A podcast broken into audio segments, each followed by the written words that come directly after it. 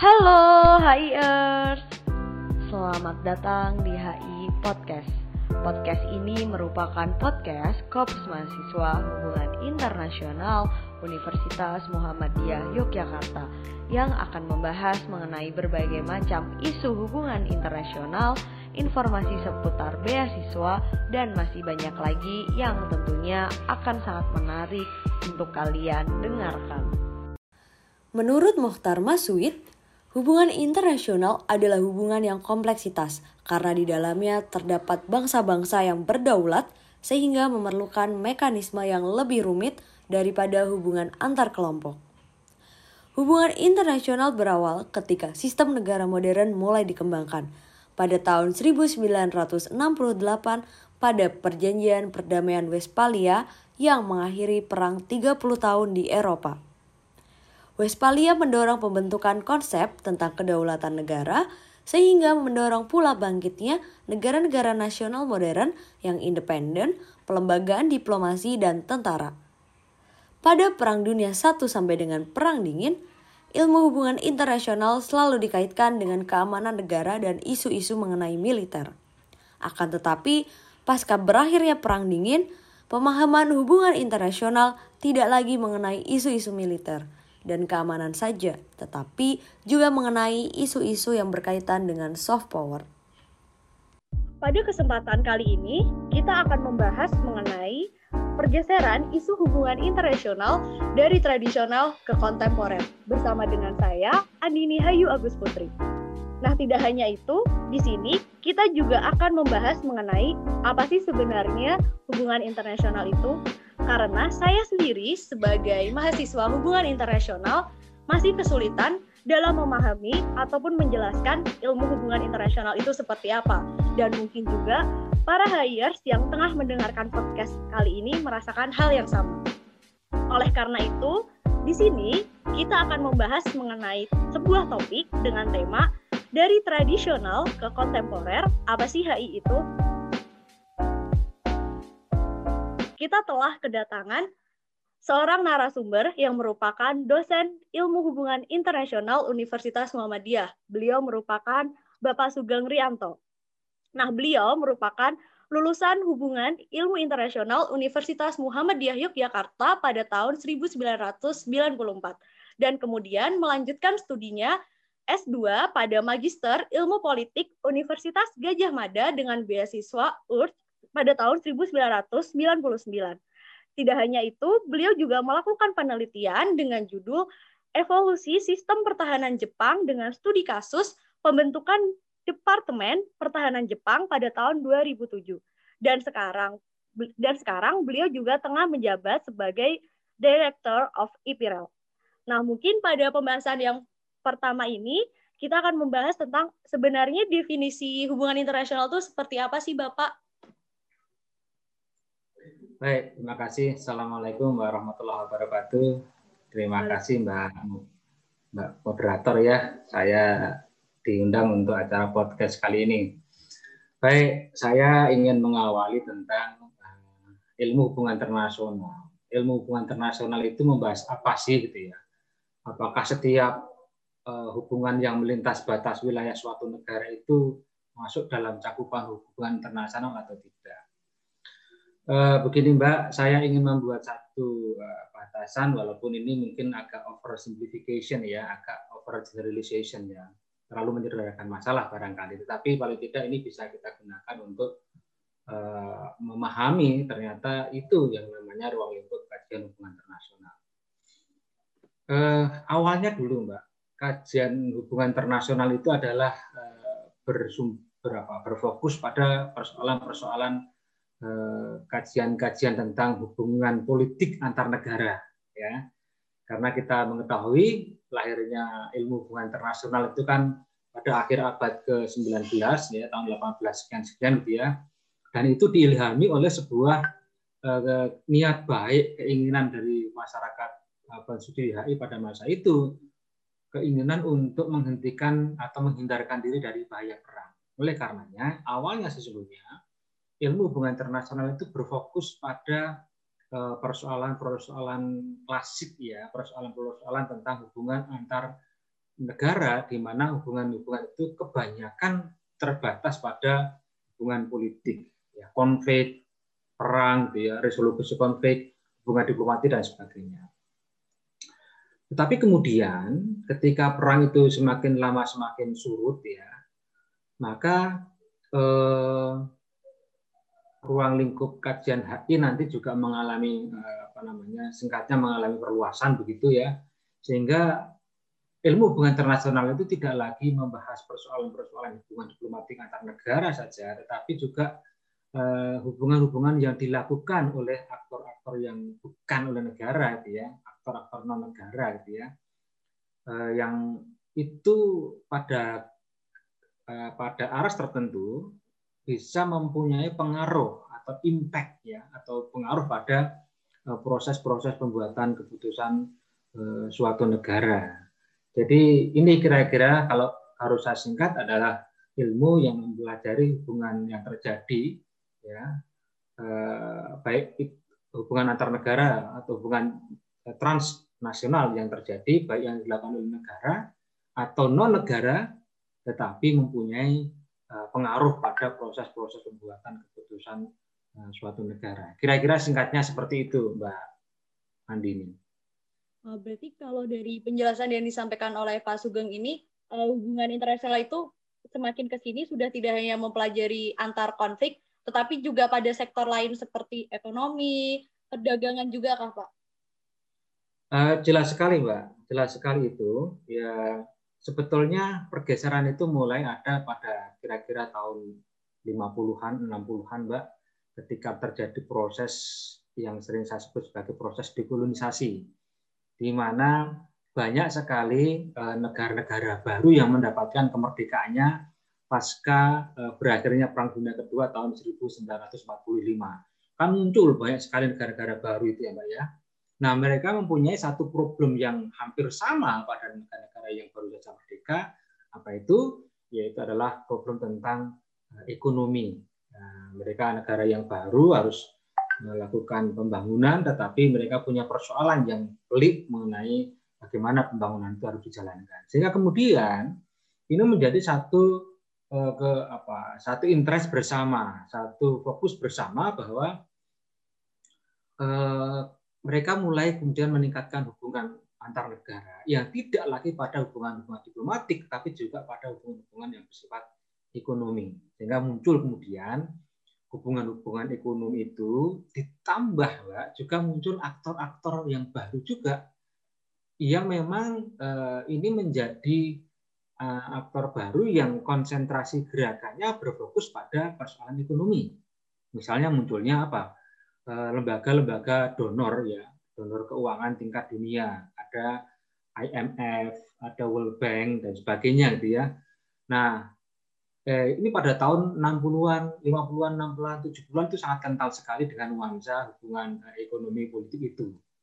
Nah, tetapi ya, kalau saya harus bicara sejarah, Mbak, saya runutkan, ketika perang dingin berakhir, yang tadinya itu sangat fokus pada bipolaritas timur dan barat, yang konfliktual dan sebagainya, kemudian perang dunia perang dingin berakhir, nah praktis ya jarang sekali muncul perang-perang dalam skala besar ya. sehingga apa kemudian yang terjadi? Maka eh, negara itu bisa memfokuskan ya, kegiatannya bukan pada persoalan politik saja pada persoalan ekonomi saja tetapi juga pada persoalan-persoalan yang lain. Nah tambahan pula mbak ternyata eh, pasca perang dingin itu memberikan angin segar. Apa itu? Eh, kemunculan dari aktor-aktor yang baru. Sebetulnya aktor-aktor itu sudah ada sejak beberapa dekade sebelumnya ya, tetapi begitu perang dingin berakhir, kemudian ruang diberikan eh, begitu luas kepada mereka, maka muncul aktor-aktor yang baru dalam dunia hubungan internasional, yaitu ketika hubungan internasional itu tidak lagi didominasi oleh aktor government, aktor negara, tetapi muncul apa? Yang sangat kuat itu adalah multinational corporation atau MNC. Sebetulnya MNC ini tahun-tahun sebelumnya juga sudah banyak ya, tetapi eh, kemudian menjadi kental peranannya pasca perang dunia, pasca perang dingin ya, karena mereka begitu leluasa untuk melebarkan sayapnya, untuk mengembangkan usahanya lintas negara. Ya. Jadi begini Mbak, ketika ada perang dingin, itu kan hubungan antar negara seolah-olah dibatasi oleh konflik ideologi itu.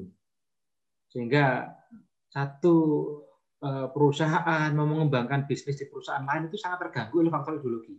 Apalagi hubungan antar eh, aktor-aktor negara yang lain oleh aktor individu dan sebagainya, eh, NGO dan sebagainya.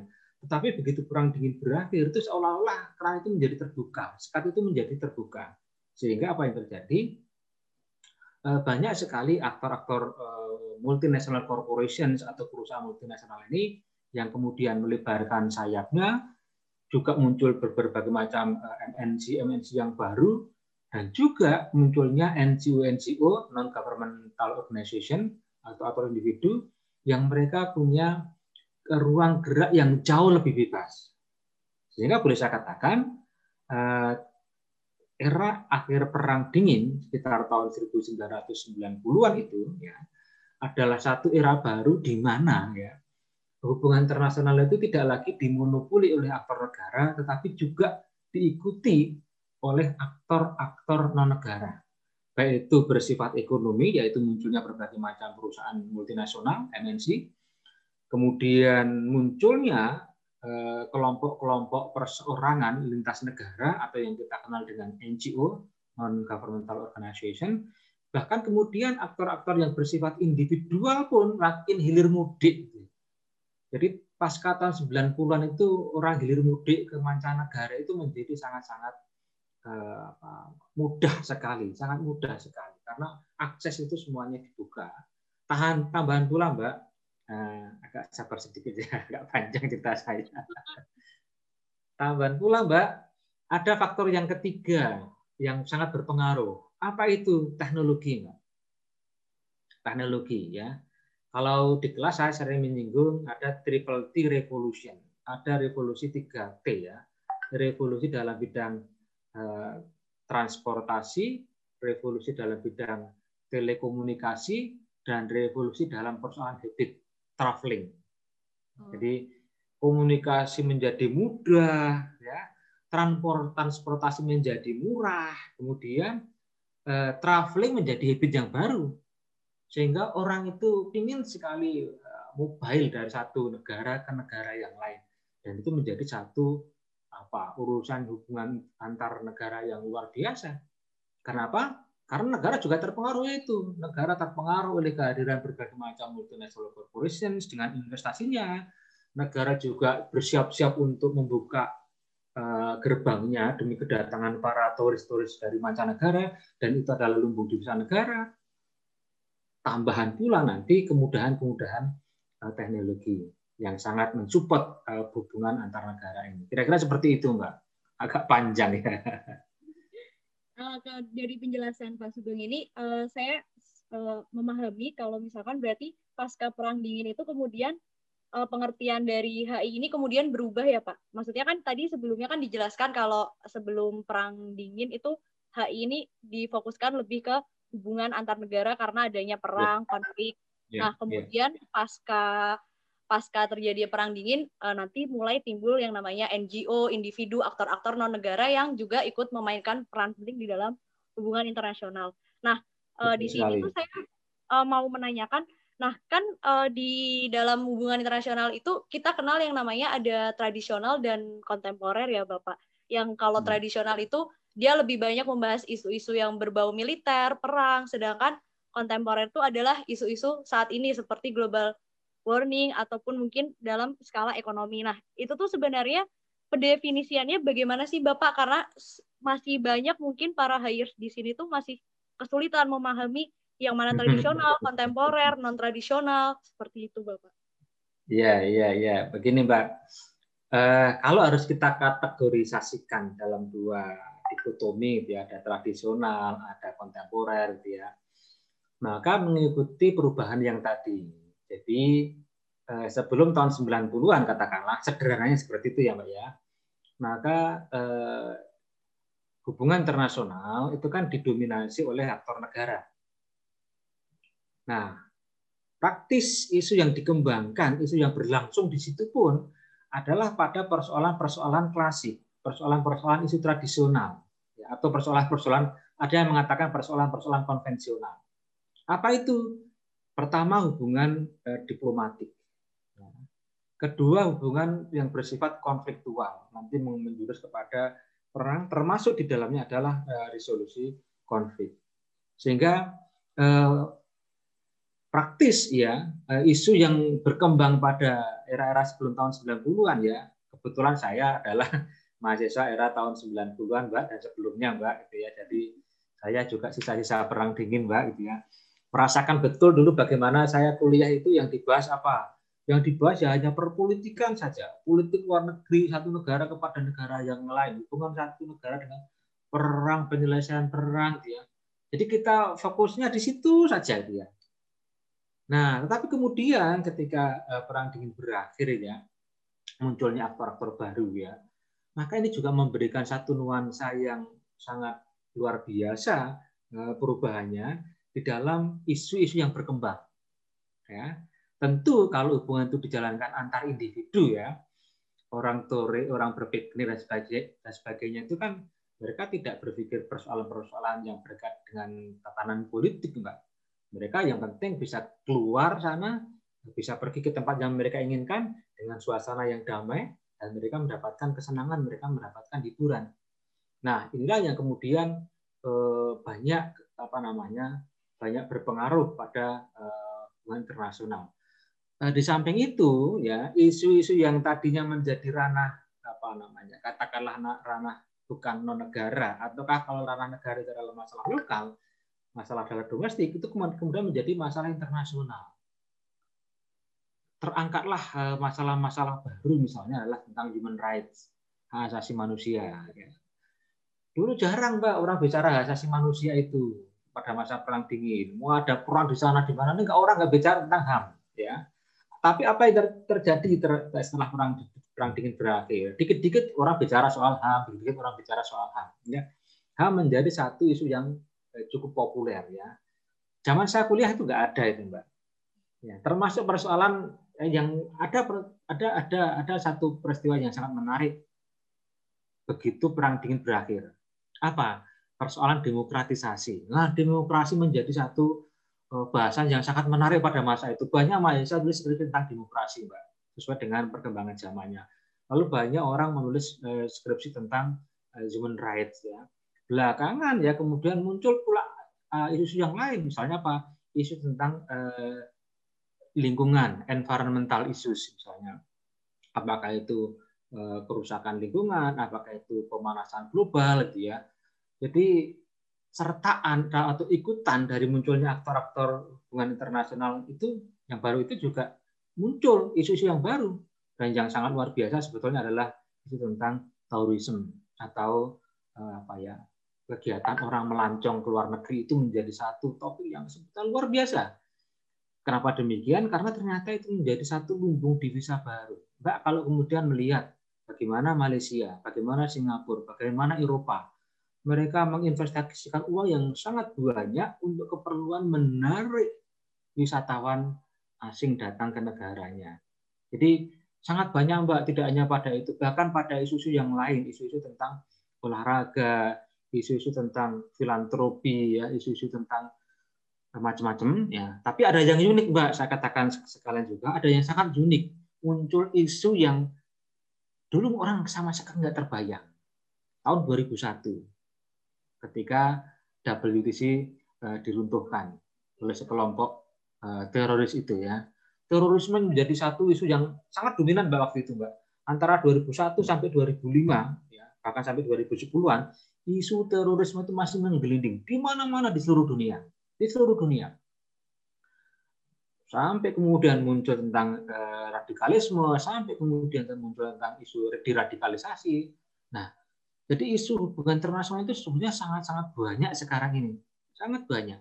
Apalagi Mbak, apalagi saya tambahkan sekalian, eh, pada kurun waktu lima tahun terakhir ini muncul salah satu era yang saya juga nggak pernah bayangkan sebelumnya adalah era yang namanya era digital.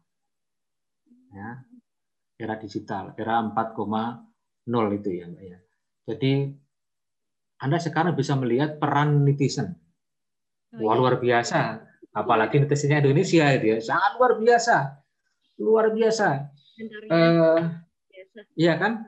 Orang-orang apa namanya? Orang di Amerika, orang di Prancis, orang di Inggris, orang di Afrika sekarang itu begitu dekat dengan orang-orang di Asia gitu loh.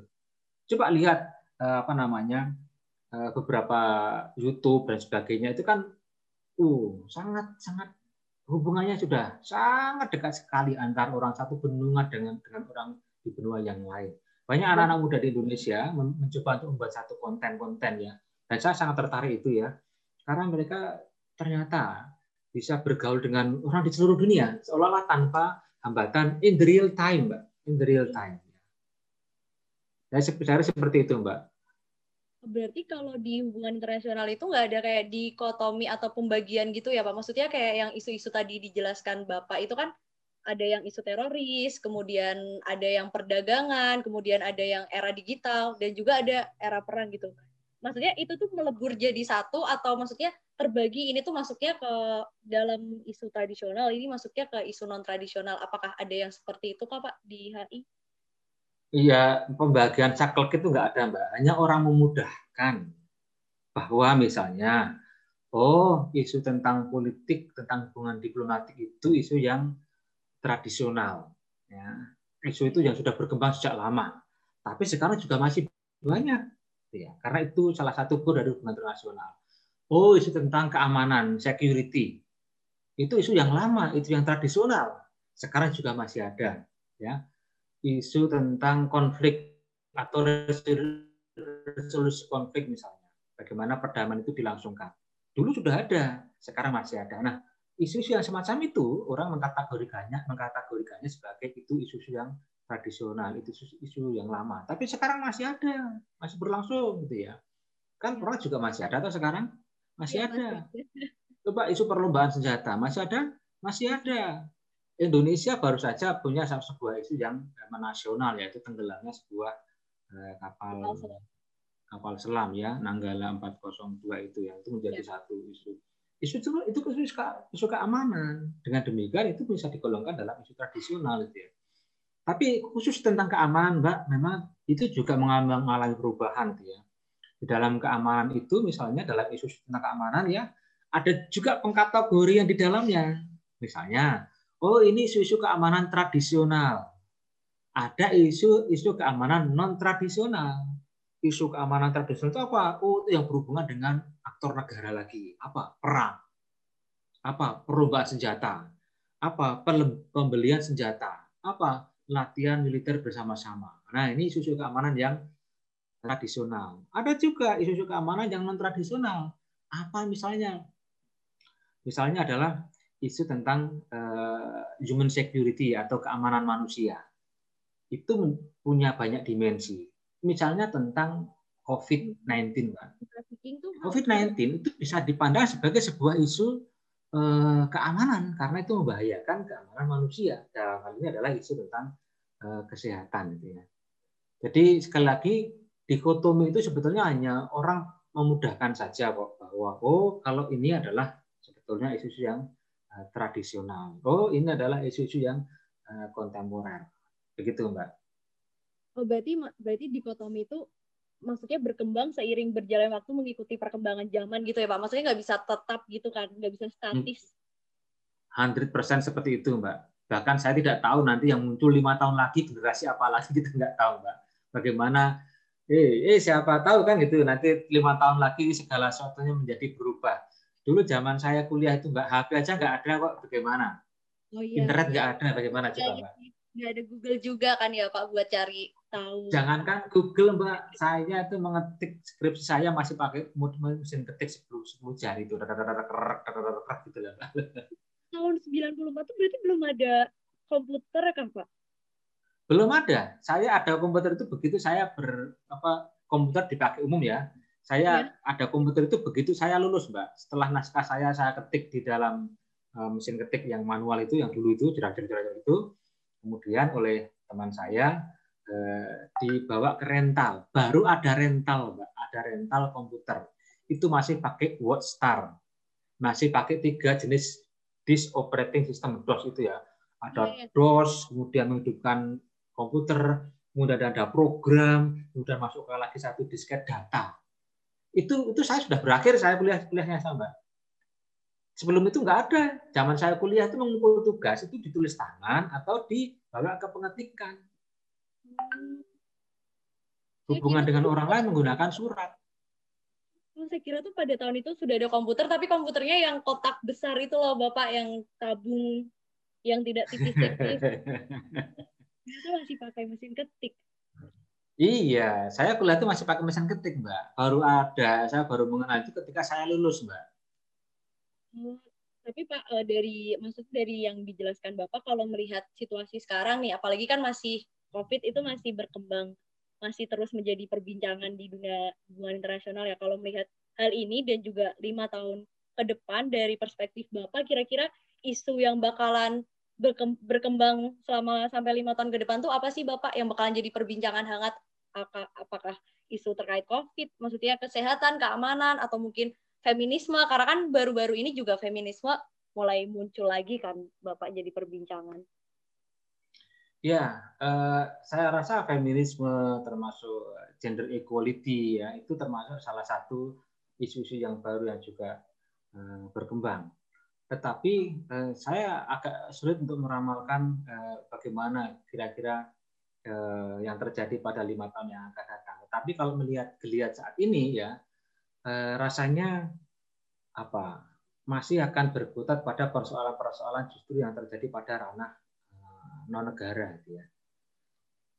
Yang kemudian mau nggak mau ini harus menjadi perhatian negara. Apa misalnya tentang kesehatan. Nanti jangan-jangan berkembang isu yang lain selain kesehatan lingkungan misalnya. Siapa tahu pembangunan satu daerah atau negara akan menyebabkan kerusakan atau gangguan pada pembangunan atau pada lingkungan di negara yang lain. Atau faktor lain, misalnya faktor tentang humanity yang tentang eh, kemanusiaan. Atau justru, atau justru mbak, eh, nanti orang orang berebut tentang sumber daya, sumber daya manusia yang semakin lama semakin tipis sehingga apa? Negara kembali turun tangan dalam tanda petik Ya. Ya, ya. Coba kalau sekarang kita lihat di uh, Laut Cina Selatan, ya, yang sudah agak mencerempet ke perairan Natuna itu, ya. itu kan sudah berebut tentang ikan, mbak, berebut tentang sumber daya alam, ya. ya. Di mana kemudian sumber perebutan sumber daya alam ini mau nggak mau menyeret aktor negara, ya, apakah meng, meng, apa, mereka melakukan perlindungan perlindungan terhadap eh, nelayan-nelayannya dan sebagainya sebagainya, karena Eh, perairan itu adalah salah satu sumber daya alam yang sangat menjanjikan dan sangat mudah untuk dikeruk itu karena batas-batasnya eh, tidak terjaga dengan baik di mana pun saya pikir. Oh, berarti kalau gitu masih belum bisa diprediksi dengan pasti kan ya Pak lima tahun ke depan tuh isu HI bakalan dibawa ke mana gitu. Maksudnya bisa aja masih di isu kesehatan, COVID yang belum selesai, atau isu keamanan seperti Laut Cina Selatan yang banyak dinamikanya, banyak kepentingannya, atau mungkin isu-isu yang lain begitu ya Bapak. Tapi ya, tapi kalau saya boleh me sedikit melakukan apa ya prediksi ya, tetapi ya. saya nggak tahu ini relevan atau tidak. Begini Mbak, eh, sekarang ini kan orang bekerja berdasarkan pada eh, teknologi. Ya. Ya. Saya rasa ya. ke depan itu teknologi akan sangat berpengaruh. Ya Termasuk misalnya ancaman pengangguran. Satu ancaman pengangguran. Kenapa? Karena pekerjaan-pekerjaan manual digantikan dengan teknologi. Itu satu. Nah, yang kedua adalah eh, persoalan eh, langkahnya pekerjaan di satu negara yang itu diambil oleh orang dari negara lain yang mereka punya keunggulan teknologi. Nah, itu yang saya saya khawatirkan jangan-jangan nanti Indonesia belum siap menghadapi sebuah era itu di mana eranya itu berganti kepada era teknologi gitu ya. Mungkin orang juga nggak perlu kuliah, tapi mereka kuliahnya cukup dengan ngotak atik teknologi dan sebagainya dan sebagainya. Nah ini yang kadang-kadang mengkhawatirkan eh, banyak pihak eh, karena memang dunia ini kan agak susah untuk dibatasi. Gitu ya. Iya, kita iya. kita sulit kita sulit kemudian mencegah orang lain bekerja di Indonesia. Ya, kita sulit mencegah orang lain berkomunikasi dengan orang Indonesia dan sebagainya dan sebagainya dan sebagainya karena semua transaksi itu sekarang lebih cenderung kepada transaksi-transaksi yang ber, ber, berbasis pada transaksi uh, digital. Nanti mungkin kasir akan banyak berkurang gitu ya. Eh, tenaga-tenaga di perusahaan juga akan banyak berkurang karena semua bisa dikurangi diefektifkan dengan menggunakan eh, teknologi. Nah ini sebuah tantangan ke depan lah kira-kira seperti itu, terutama adik-adik angkatan muda ini ya, eh, teman-teman mahasiswa masih banyak peluang untuk belajar ya. Saya harap sekarang kuasailah teknologi. Apa pun disiplin pengetahuan Anda, teknologi itu harus menjadi perhatian utama. Itu alat baca lah kalau seperti itu. Dulu orang punya keunggulan kalau bisa bahasa Inggris. Enggak, sekarang di mana-mana orang bisa bahasa Inggris ya. Tapi sekarang orang yang unggul adalah tentang teknologinya. Orang yang yang teknologinya unggul it is easy for them to make money. Saya, saya rasa ya, seperti itu. Berarti kalau gitu bisa dikatakan tantangan untuk sarjana HI ke depannya itu ke teknologi ya Bapak? Atau juga ada sebenarnya tantangan yang lain juga Bapak? Iya, saya rasa mungkin banyak tantangan yang lain ya. Tapi alangkah tidak elok kalau kita kita, kita tidak menguasai teknologi gitu ya. terutama sekali dengan teknologi eh, komunikasi ini apa namanya ini menjadi satu tantangan sekali tak tantangan ke depan ya. Kalau kita nggak tahu teknologi ya waduh susah sekali kira-kira seperti itu mbak. Kalau tantangan dari pergeseran isu ini bapak yang tadi kan uh, kembali lagi ke topik awal sebelumnya yang sebelum perang dingin dan setelah perang dingin apakah uh, bagi para sarjana HI ini juga akan mengalami tantangan terkait pergeseran isu yang ada gitu Bapak? Maksudnya mungkin nanti untuk ke depannya mereka me mencari ilmu atau menyusun sebuah tesis mungkin atau ketika nanti pengimplementasiannya yang merasa kesulitan seperti itu Bapak ada nggak sih Bapak tantangannya? Ya memang ya memang ada kebutuhan dalam tanda praktis ya ketika mahasiswa harus menulis tugas akhir gitu ya. Iya. Nah, sebetulnya ada keuntungan ketika topik-topik itu semakin banyak. Ya, mahasiswa menjadi jauh lebih bebas untuk menentukan topik. Ya, e, topiknya menjadi semakin banyak, ya, hal yang akan ditulis menjadi tidak kesulitan, kesulitan lagi, gitu ya. Sumber beritanya juga semakin gampang, gitu ya. Anda kalau mau mencari apa namanya sumber bacaan yang ilmiah, tinggal mendownload berbagai macam jurnal, gitu ya. Gampang sekali dari kamar Anda pun bisa, gitu Eh, tetapi beberapa te, isu yang baru itu tentunya eh, secara teoretik ya kerangka teoretiknya pun biasanya belum begitu lengkap tantangannya yeah. di situ ya silakan dicari isu-isu baru dalam hubungan internasional dan itu menarik sekali nah, tinggal kemudian tantangan kita adalah bagaimana kita mencoba untuk mencari satu kerangka teoretik kerangka konseptual ya yang bisa kita gunakan untuk melakukan analisis terhadap eh, persoalan-persoalan yang baru ini. Saya rasa ini tantangannya, Mbak ya. Semakin luas ya. Jadi belajar HI jangan terbatas pada hubungan-hubungan diplomatik ya. Jangan terbatas pada hubungan-hubungan eh, keamanan antar negara. Tidak, belajar HI sekarang lingkupnya sangat-sangat luas sekali ya. Bahkan kalau Anda apa pegiat maka apa persoalan makanan ya sekarang ada yang namanya gastronomi ya gastrodiplomasi ya, gastrodiplomasi dia sangat sangat luar biasa impactnya gitu ya jadi ini hal-hal yang menarik gitu ya dalam dalam hubungan internasional. Itu perlu semakin banyak dikaji oleh teman-teman mahasiswa semakin banyak dikembangkan. Bahkan mungkin juga ditulis dalam naskah-naskah tugas akhir ya atau paper atau skripsi ya. Hanya kemudian sekali lagi eh, kita ditantang untuk menemukan kerangka-kerangka teoretik yang kita gunakan untuk menjawab pertanyaan-pertanyaan yang kita ajukan. Saya rasa eh, terbukanya sumber-sumber bacaan kita terhadap jurnal yang uh, sangat mudah kita akses itu sedikit memberikan uh, apa kabar gembira bagi kita bahwa kerangka teoretik atau kerangka konseptual pun bisa kita temukan, kita temukan dalam berbagai macam jurnal atau buku-buku yang baru itu, Mbak.